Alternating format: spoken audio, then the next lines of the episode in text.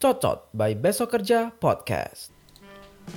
Hai everyone, selamat datang kembali di Cocot by Besok Kerja Podcast Bersama saya Fatian Hafiz Dan kali ini aku mau membahas sebuah isu yang sebetulnya udah agak lama Tapi menurutku ada suatu konsep atau suatu value mendalam yang harus kita bahas mengenai berita ini Aku mau ngomongin uh, berita tentang uh, selebgram idaman kita semua astaga. Uh, putus cintanya si Aukarin dengan uh, tunangannya siapa siapa Gangga. Gangga tuh musisi ya, cuman aku tuh nggak tahu nggak tahu lagunya apa karena aku nggak suka uh, alirannya sih, tapi ya udahlah Nah, jadi waktu itu kita kan apa uh, Instagram sempat geger saat si Gangga itu ngelamar si Aukarin. Terus waktu itu apa namanya? Kalau nggak salah tuh di party di di klub apa di rumah ya. Pokoknya dilamar gitu terus ya semua orang rekam ye selamat selamat ye ye ye akhirnya semua orang yang mengikuti kisah cinta Aukarin langsung akhirnya Aukarin mendapatkan belahan jiwanya gitu. Setelah sekian lama berganti-ganti uh, apa berganti-ganti pacar dan segala drama-drama ini akhirnya Aukarin menemukan belahan jiwanya gitu. Tiba-tiba nge-tweet astaga. Ini nih. Jadi ya seperti biasa eh, berita-berita ini aku dapatkan dari portal berita paling terpercaya di muka bumi ini di Lambe Turah. Jangankan berita selebgram, berita yang tentang politik dan ekonomi masyarakat aja tetap dari Lambe Turah, apalagi selebgram gini, pasti dari Lambe Turah dong. Oke. Ini berita tanggal 13 Maret, berarti seminggu yang lalu. Dari lambeturah.co.id, Aukarin muncul dan isyaratkan putus cinta dengan Gangga Kusuma. Oke, jadi ceritanya si Aukarin ini tiba-tiba gak ada angin, gak ada hujan, nge-tweet gitu. Nge-tweet yang mengisyaratkan bahwa dia itu uh, putus sama si Gangga ini. Baru-baru ini Aukarin menjadi trending di akun Twitter dengan hashtag Karin. Diduga ia dan Gangga putus lagi. Ya ampun. Emang pernah putus ya sebelumnya? Oh pernah putus. Oke, oh, nggak pernah ngikutin berita selebgram gini nih. Beberapa hari belakangan, Aukarin memang sudah lama tidak membuat story seperti biasanya. Astaga. Inilah era di mana kehidupan orang itu dilihat dari insta story-nya ya ampun. Oke, oh ini dia tweetnya. Jadi dia nge-tweet. Uh, ini kok langsung 345 nggak ada satu duanya? Kita kita kita cari ininya kali ya. Uh, Aukarin Gangga Tagar. Yang ada tweetnya yang komplit. Tam tam tam tar Nah ini mah berita waktu lamaran Aukarin dilamar oleh Gangga pun turut menghebohkan, menghebohkan warganet, terutama di Instagram dan Twitter. Banyak yang ikut senang dengan momen romantis tersebut. 1 Desember, astaga, sedih banget. Sedih, sedih, sedih, sedih. Baru berapa bulan? Duh, sorry, sorry, bentar. Aku mau nyari yang ada tweetnya yang lengkap. Biar kita bisa tahu informasi lengkapnya. Astaga. Oh, ini, ini, nih. Mana dia? Aduh, nggak ada lagi. Bentar, bentar, bentar, bentar, bentar. Aduh. Bentar, kita cari dulu. Yang ada tuh potongan-potongan doang soalnya. Ah, ini mah berita lamaran semua. Oke lah. Kita buka yang di Lambe Turah aja kalau gitu. Lambe Turah. Lambe Turah mana nih? Bangsa. Lambetura. Scroll, scroll, scroll, scroll, scroll, scroll. Scroll, scroll, scroll, scroll. Oh. Kenapa ada ini? Er Erika Karlina jawab tudingan perusak hubungan Aukari dengan Astaga. Oh, nanti kita baca juga. Kita baca yang ini dulu. Oke. Jadi dia tuh nge-tweet kayak gini. Saat ada satu ada dua tapi nggak kebaca tiga nggak usah nyari-nyari penyakit dengan balikan sama mantan. Oh iya, dia pernah putus pernah putus dulu berarti, terus balikan lagi. Empat, nggak usah ngepost kalau dilamar, bisa jadi itu cuma prank ya. sedih Sedih, sedih, sedih, sedih. Lima, nggak usah nangis kalau udah kejadian, salah sendiri, tolol. Terus sebelumnya dia ngetut lagi, I'm sorry for everything. Terus berikutnya lagi, syukurin aja apa yang kalian punya dan siapa yang kalian punya sekarang Gak semua orang cukup beruntung buat punya itu. Ada 58.400 uh, disukai, terus di retweet 16.200 dan di komentar 875.000. Ya 875. Terus oh ada lagi. Terus ada eh ini ini siapa ya yang nge-WA dia gitu. Jadi ada orang nge-WA atau ngechat Aukarin ya Rin sakit hati boleh, nangis sepuasnya aja nggak apa-apa, tapi jangan sampai nyakitin diri sendiri kayak kemarin lagi. Dengan kamu nyakitin diri sendiri sama aja nyakitin mama dan papa juga. Jujur aku kasihan with you, astaga. Ini ini di Jaksel area mana nih? Lihat mama nangis gerung-gerung sampai mama dan papa kurang tidur mikirin kamu kayak gitu ya ampun. Mama ada hipertensi Rin dan papa udah tua sakit-sakitan. Ya ampun. Please, aku masih butuh kalian anjing buat support kuliah aku. Hah? Jadi Anda hanya perlu Aukarin dan papa mama itu untuk mensupport kuliah. Ini oh iya, ini mungkin adiknya atau siapa ya. Please aku masih butuh kalian anjing buat support kuliah. Lucu banget. Terus si Karin uh, ini nge-tweet lagi. I have not been using my usual phone to avoid any contact with anyone that could bring me to a much worse state. I'm sorry if I've been a very much disappointment to everyone. I'm sorry I'm hurt and I don't know what to say or do. I'm, an, I'm in a huge trauma right now logging off again. Oke okay, ini mah ada jelas putus ya. Terus Nah tadi ada gosip lagi nih apa nih Erika Karlina jawab tudingan perusahaan hubungan Aukarin astaga. Erika ini kan yang dulu rib, apa wawancara Gaga Muhammad tuh bukan sih? Lambetura.co.id Baru-baru ini jagat maya tengah diramaikan soal hubungan Aukarin dan Gangga yang diduga kandas. Oke. Padahal Gangga sudah melamar Aukarin pada 29 November 2021 lalu. Oke. Kandasnya hubungan pasangan kekasih tersebut diketahui warganet setelah Aukarin menceritakan isi hatinya lewat Twitter pribadinya pada Sabtu malam 12 Maret. Oke. Nah, terus ada gosip bahwa Erika Karlina lah yang merusak hubungannya. Terus Erika Karlina bikin Twitter, eh bikin Instastory. Pada puas-puasin aja dulu bikin gosip apa, ngarang cerita apa udah biasa juga. Kalau gue sih sangat menghargai sahabat gue dengan ceritanya yang berhak cerita ya dia. Tapi dengan gue nggak speak up atau spill spill sesuai dengan keinginan kalian, gue malah digosipin ini itu astaga ya mau gimana ya wak wak puas puasin aja kalau pada happy begitu kan pahala juga buat gue. Tapi intinya sih gue kagak ada tuh kontekan chatan ketemuan atau apalah itu. Jadi mudah-mudahan yang bikin gosip masuk surga amin. Amin. Astaga ini oke kita baca komennya dulu. Tadi komen di berita tweetnya Aukarin.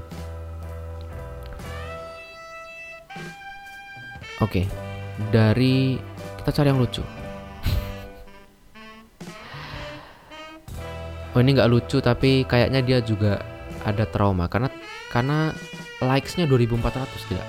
Nacita Agnes Dorestin. Emang benar kata orang-orang jangan pernah kembali dengan orang yang sudah menyakiti. Karena pasti ia akan melakukan hal yang sama lagi Aduh. Nacita Agnes Anda kenapa dalam hidup Anda? Ya ampun Anda kan baru masuk kuliah S1 di 2020 gitu Information System. Anda kenapa pengalaman asmara asmaranya harus seperti ini Ya ampun, dari sharpshoots.v. Habis gangga terbitlah gangga. Habis gangga terbitlah gangga. Oke, okay, kita cari yang lucu lagi.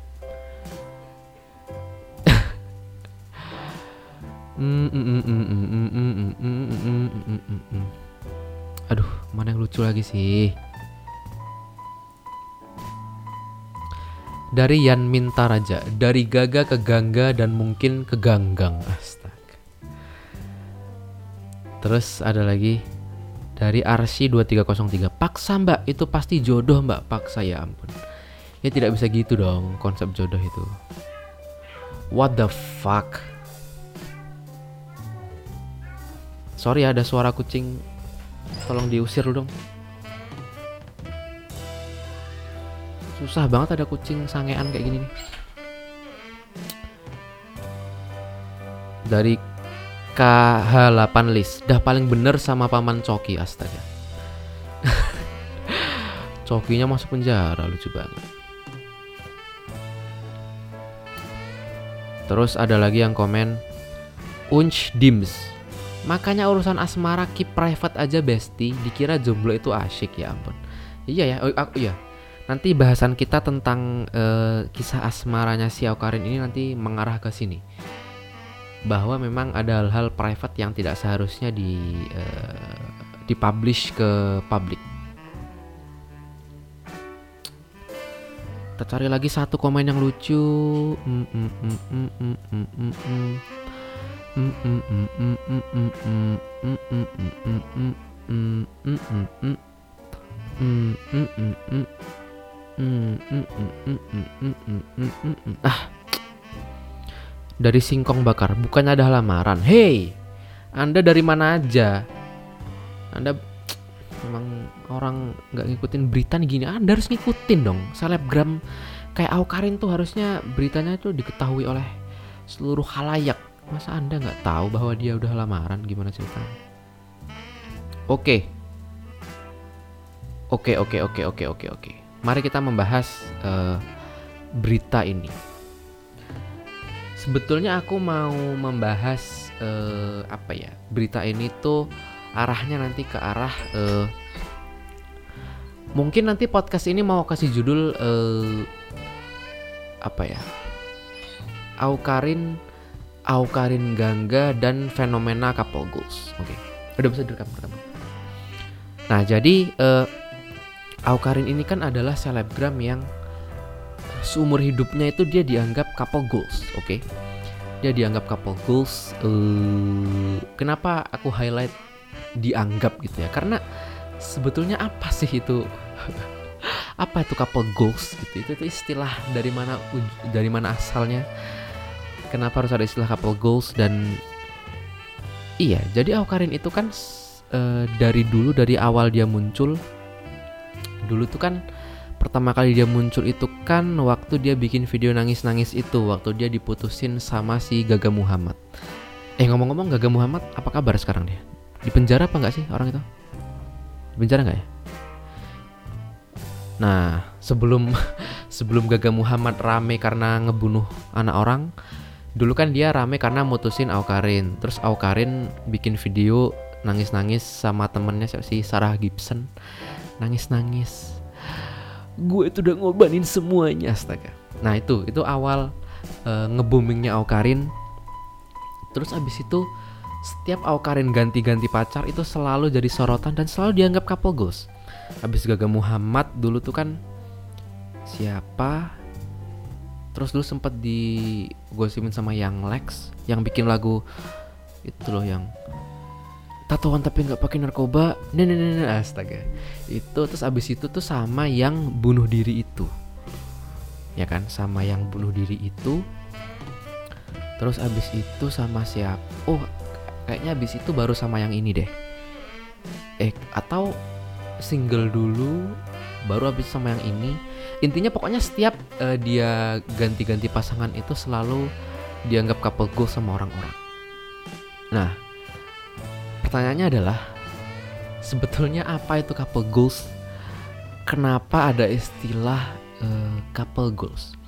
Kalau misalnya kita terjemahkan secara literal ya, secara harfiah, couple goals itu kan eh, couple itu pasangan, goals itu tujuan. Jadi apa ya? Bisa jadi suatu eh, pasangan yang diidamkan kali ya yang diidamkan di mana orang itu bakal ngeset bahwa oh hubungan gua itu eh, tujuannya itu akan seperti lu orang nih gitu.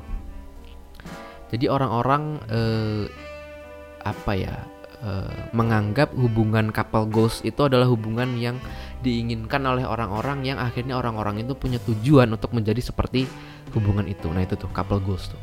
Kalau misalnya diter- diterjemahkan secara literal ya. Tapi kalau misalnya kita ngomongin goals secara umum, astaga.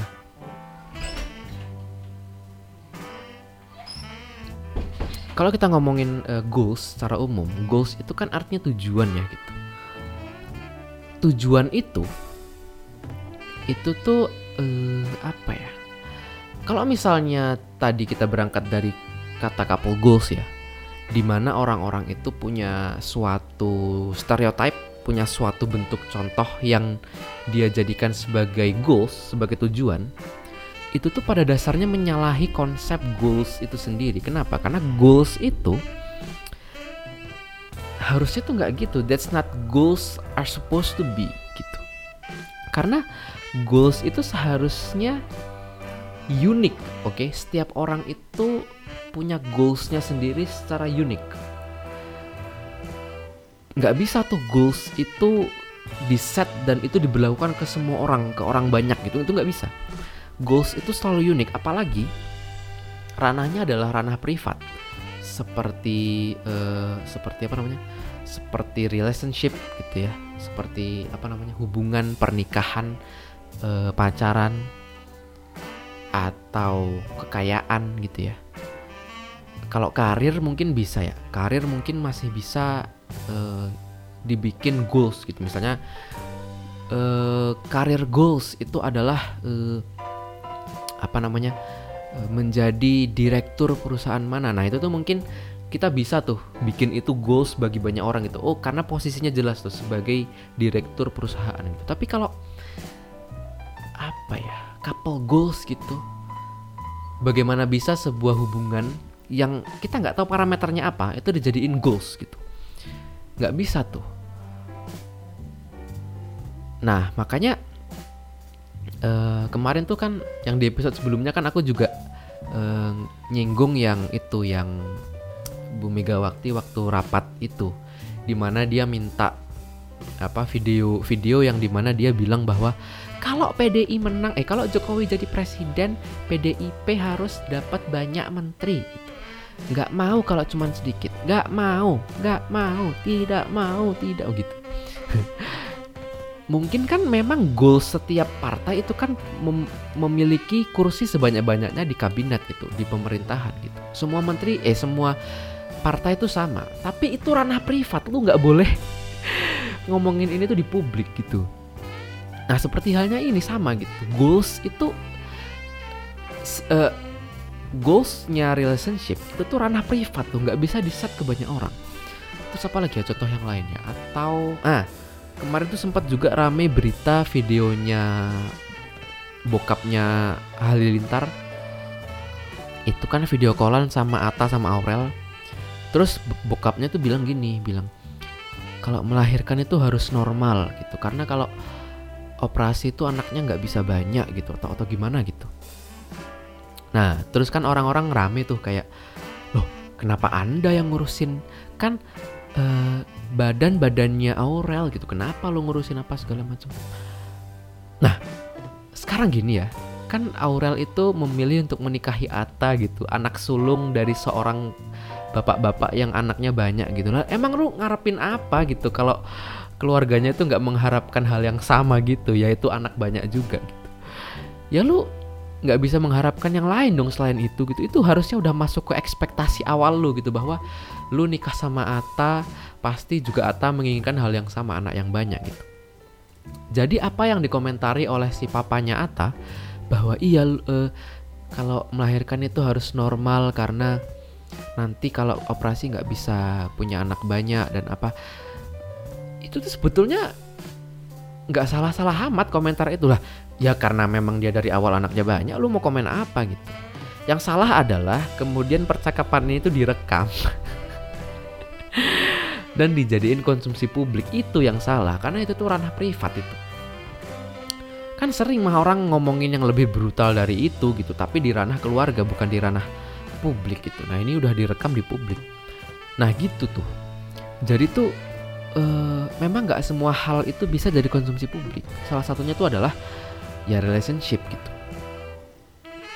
Itu yang jadi masalah. Waktu Aukarin Gangga apa eh, pacaran semuanya diliput semuanya direkam. Waktu mereka lamaran juga diliput direkam. Begitu juga dengan hubungan-hubungan dia sebelumnya semuanya diliput dan direkam. Itu yang masalah. Apa imbasnya? Imbasnya adalah ketika sebuah relationship itu dinobatkan menjadi relationship goals banyak orang yang ngeset itu the exact uh, example gitu ya the exact target buat jadi target kebahagiaannya. Padahal lu nggak bisa ngeset kebahagiaan lu itu berdasarkan standar orang lain tuh nggak bisa tuh.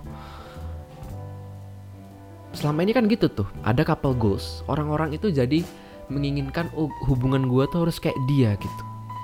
Orang-orang itu jadi set bahwa oh ya target hubungan gua itu seperti dia. Yang mana? Itu kan standar orang lain, lu nggak bisa, lu nggak bisa ngasih standar itu ke diri lu karena jelas semuanya tuh beda banget gitu. Beda banget semuanya gitu. Makanya sering banget ya misalnya kayak eh apa namanya orang tuh ngelihat orang di sosial media gitu ya punya iPhone gitu ya. Terus orang itu menganggap bahwa wah itu gadget goals gitu gadget goals gue harus punya gadget yang sama dengan yang dia punya gitu iPhone boba gitu Nah, karena dia ngeset kebahagiaannya itu berdasarkan standar orang lain, akhirnya dia kan aiming, oh gua harus punya gadget yang sama seperti dia gitu. Akhirnya apa? Akhirnya dia nabung, dia kerja mati-matian buat akhirnya bisa beli iPhone boba lagi. Dan akhirnya ketika dia berhasil punya iPhone boba, akhirnya dia berhasil mendapatkan goals yang tadinya dia inginkan. Baru akhirnya dia sadar bahwa anjing, ini gua udah punya iPhone, tapi kenapa hati gua kosong ya gitu dia baru sadar bahwa ternyata tujuan yang dia uh, apa yang dia jadikan target selama ini bukan itu yang dia inginkan ternyata dia baru sadar waktu dia dapat itu gitu. setelah dia dapat hatinya kosong ajik ternyata bukan ini yang gue inginkan iya karena yang lu jadikan goals dalam hidup lu itu berdasarkan standar orang lain. Itulah yang terjadi selama ini gitu. Baru akhirnya pas kita mencapai standar itu baru kita sadar bahwa ajik ternyata bukan ini yang gue mau gitu. Nah, tapi dengan bubarnya eh, kisah Aukarin dan Gangga ini, putusnya Aukarin dan Gangga itu menambah deretan bubarnya para couple goals couple goals sepanjang masa gitu kayak. Coba eh Anang sama Krisdayanti lu lu inget nggak betapa couple goalsnya mereka pada zamannya gitu? Semua orang mengidaman uh, mengidam-idamkan hubungannya Anang sama Krisdayanti gitu sampai uh, hubungan yang romantis punya anak nyanyi timang timang anakku sayang. Astaga semua orang mengidam-idamkan itu akhirnya bubar juga. Terus uh, siapa lagi? Uh, Krisdayanti Anang. Uh, Ahmad Dhani Maya ya ampun. Terus semua orang mengidam-idamkan hubungan itu. Suami istri bahagia anaknya ganteng-ganteng semua.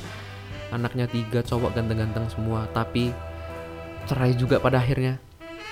Terus uh, Gisel Gading siapa yang tidak mengidam-idamkan hubungan Gisel Gading? Coba.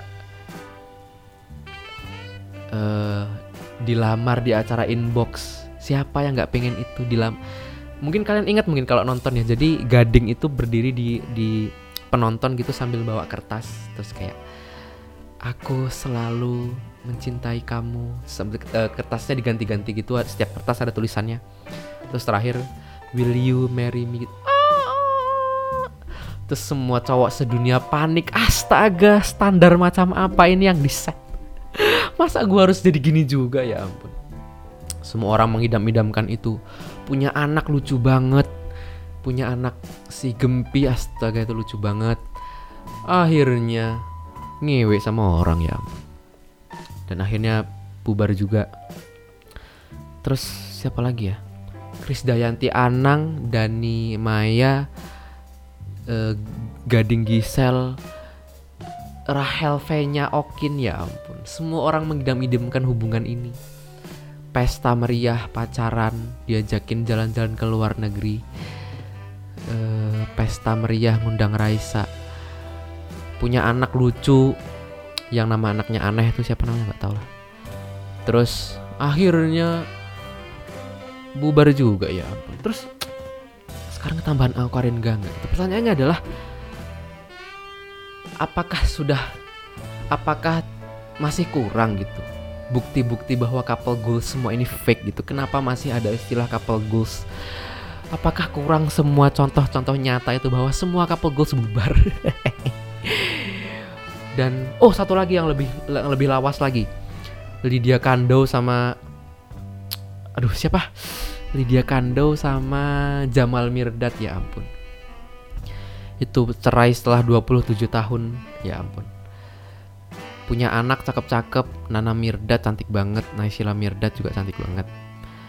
Bubar juga hubungan kayak gitu astaga. Setelah 27 tahun itu tuh apakah 27 tahun itu memendam atau atau mau cerainya setelah akhir-akhir kita nggak tahu ya tapi lucu juga kalau ternyata selama 27 tahun itu ternyata memendam. Aku tuh udah melihat kamu itu ada video sama astaga. Nggak nggak nggak. Eh, iya jadi makanya aku tuh selalu jijik kalau misalnya ada orang yang ngumbar-ngumbar kemesraan di sosial media gitu. Kayak kalau ngelihat orang yang ngumbar-ngumbar foto-foto sama pacarnya sama pasangannya di Instagram gitu dijadiin profil itu tuh pertanyaanku cuma satu gitu. Kayak kenapa lu pengen banget gitu orang tahu bahwa lu bahagia gitu? Kenapa? Karena kalau misalnya lu bahagia mah lu- lu diem-diem aja gitu. Lu nggak perlu ngasih tahu ke dunia bahwa lu bahagia gitu. Ada jokesnya ini jokesnya Adriano Colby lucu banget bilang gini. Iya eh stiker Happy Family itu cuman ada di mobil murah gitu. Ya kan? Stiker Happy Family itu cuma ada di mobil-mobil Xenia, Avanza dan sekelasnya gitu. Brio, Ayla gitu. Nggak ada tuh mobil eh, BMW atau Pajero atau eh, apa ya? Ya mobil-mobil high class yang mahal-mahal gitu. Nggak ada stiker Happy Family-nya. Kenapa? Karena orang-orang yang eh, apa yang mobilnya murah itu yang ekonominya tidak terlalu tinggi itu pengen banget orang tahu bahwa dia bahagia gitu. Kalau orang yang bahagia beneran mah nggak perlu woro-woro bahwa dia bahagia. Orang yang pakai BMW mah ngapain pasang stiker Happy Family dengan orang lihat mobilnya aja udah tahu bahwa mereka tuh bahagia nggak usah nggak usah perlu mencari validasi. Ya ampun lucu banget. Makanya orang yang mengumbar-umbar kemesraan dan mengumbar-umbar apa namanya foto-foto pacarnya, foto-foto suaminya di apa di feed, di story, bahkan dijadiin prof pic. Itu tuh sebetulnya apa ya? Bahwa itu yang harusnya kita skeptis gitu. Orang yang ngumbar-ngumbar kemesraan tuh jangan-jangan dia nggak mesra aslinya gitu. Orang-orang yang mengumbar-ngumbar kebahagiaan keluarganya jangan-jangan keluarganya tuh nggak bahagia. Karena kalau keluarganya bahagia mah mereka nggak perlu mencari validasi gitu validasi itu dicari karena nggak ada gitu value-nya nggak ada makanya akhirnya dicari tuh validasi ah keluarga gua apa bahagia kok keluarga gua. Iya kan bahagia kan bahagia kan. Lihat nih fotonya bahagia kan gitu. Kayak mencari validasi bahwa keluarganya bahagia sedih banget. Jadi tuh semakin sering orang mengumbar-ngumbar itu semakin red flag tuh. Jadi kalau kalian misalnya punya teman yang apa yang is- isi storynya itu pacarnya isi storynya itu eh, suaminya anaknya eh, dan apa selalu seputar romansa romansa itu itu tuh red flag tuh red flag jangan-jangan ada masalah rumah tangga tinggal tunggu cerainya aja kapan makanya aku tuh apa bilang sama istriku gitu jangan jangan sering-sering lah gitu mengumbar-ngumbar eh, apa hubungan rumah tangga atau hubungan eh, asmara gitu. Kenapa? Karena cuman orang yang nggak bahagia yang melakukan itu. Orang yang bahagia beneran mah diem aja, menyimpan kebahagiaan itu untuk dirinya sendiri. Cuman orang yang tidak bahagia yang ingin orang lain tahu bahwa dia bahagia, astaga. Ya dan apa yang terjadi dengan fenomena couple goals ini eh, semakin membuktikan bahwa semua yang ada di sosial media itu nggak real. Jadi ya udahlah gitu, udah nggak ada udah nggak ada alasan lagi kita mempercayai apa yang ada di sosial media karena semua yang ada di sana tuh fake. Nggak ada yang asli di sana. Jadi ya udahlah. Bener kata Okarin gitu syukuri apa yang lu punya sekarang karena tidak semua orang beruntung buat memiliki itu. Ya. Quotes dari Okarin camkan itu di otak anda. Oke mungkin itu aja ya buat episode kali ini.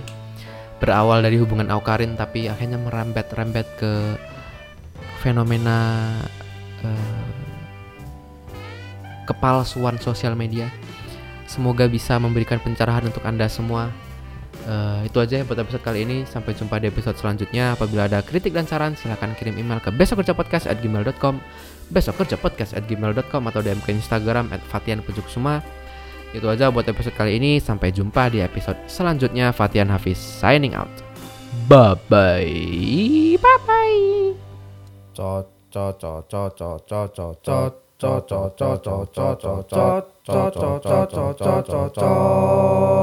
Cocot by Besok Kerja Podcast.